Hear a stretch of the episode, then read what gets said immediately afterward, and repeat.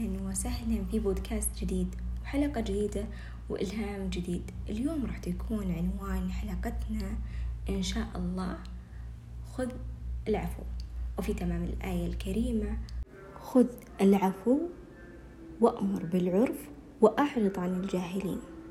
العفو رسالة يبعثها الله سبحانه وتعالى لكل من يقرأ القرآن الكريم يدعونا فيها رب العالمين.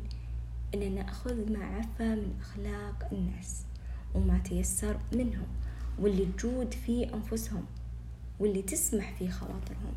بمعنى أن إحنا ما نكلف الناس بأخلاق معينة وتصرفات محددة ويكون تفكيرنا يا أما أنهم يجون بأخلاقهم والثوب اللي حنا فصلنا لهم واللي إحنا ما نتقبلهم بحياتنا. وهذا خطأ خطأ أكيد لأن لازم أن ندرك ونفهم أن أطباع الناس وأجناسهم مختلفة لأن هذه فطرة الله سبحانه وتعالى في خلقه. ممكن في أحيان كثيرة أنه يكون هالإنسان هذا مو بخلقه أساسا ولا هو ولا هو بهذا هو أساسا. لكن ممكن إنه مر فترة صعبة فمو جاي بالأخلاق اللي إحنا دايما متعودين عليها فيه أو عليه فيه. ممكن مثلا آه هذا أساسا أهل الخلق السيء لا سمح الله فيه. فجميل جدا لو نشاركهم بالدعوات وندعي لهم بظهر الغيب. طبعا مو إن قلنا مثلا إن هذا فيه خلق سيء إن معناته إن إحنا كاملين لا. أكيد إنه كل إنسان فيه أشياء حلوة وأشياء إيجابية وأشياء سلبية. لكن إحنا قاعدين نقول عن الشيء اللي ممكن إحنا نشوفه. ف كل إنسان يحاول إنه يخلي كل الناس على الأسلوب اللي هو يحبه والمنهج اللي هو يحبه. هذا كأنه حرفيا كأنه جايب شعلة نار في وادي ماء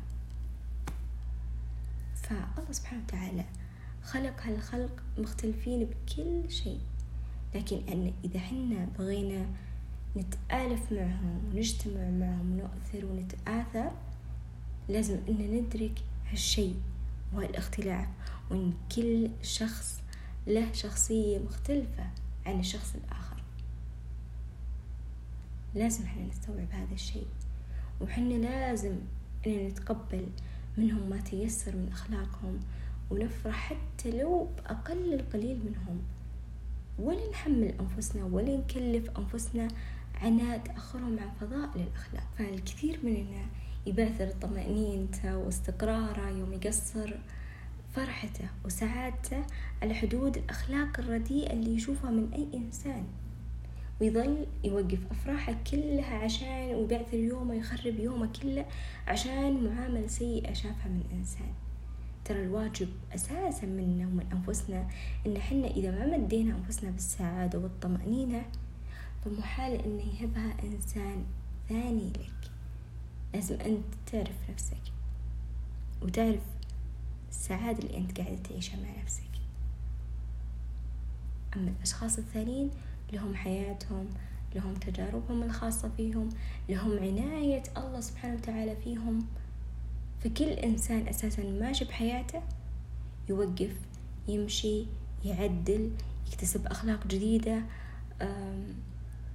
ممكن الحين مو في أفضل أحواله أيا كان. لكن أنا أعرف أنا ويني فيه وكيف أحكم على الموقف. فالبعض إنه يشتكي إنه فلان مثلا مرة من عنده ما أعطاه اهتمام والثاني لأن الشخص والله نسى المعروف اللي هو قدمه والثالث لأن والله هو متغير مزاجه. ويظل يلا يوقف راحته وهدوءه ويقلق نفسه على أفعال الآخرين. فيبقى الواجب علي أنا كإنسان إني أكون في أفضل صورة يحبها الله سبحانه وتعالى. أولا. ثاني شيء أحرص إني أنا ما أمد وأعطي البشر اللي الأفضل وأكرم وأجود الأخلاق.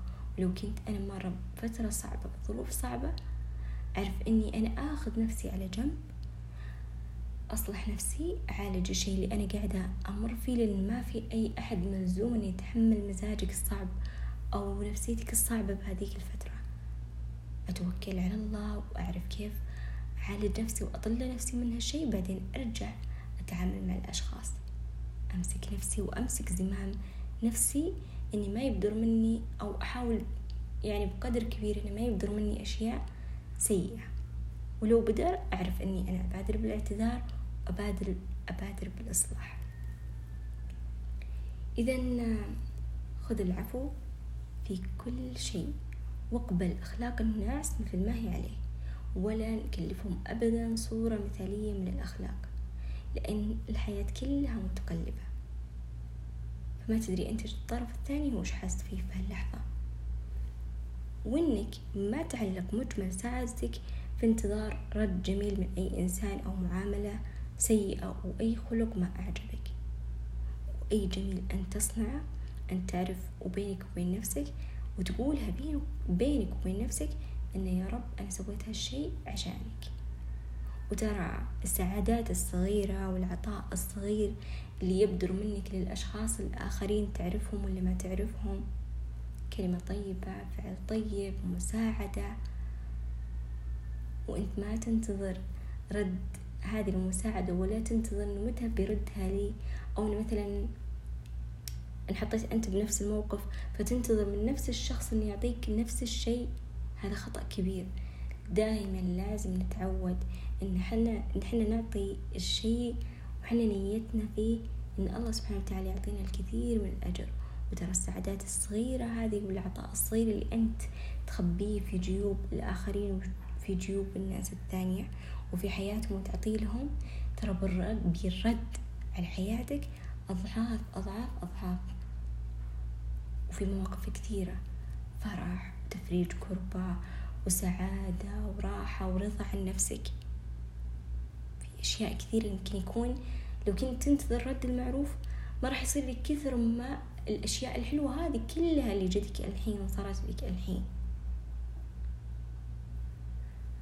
فنختم ونقول إنه اترك للناس سعة في حكمة ربي سبحانه وتعالى في قوله ولا يزالون مختلفين. كونوا بخير دائما.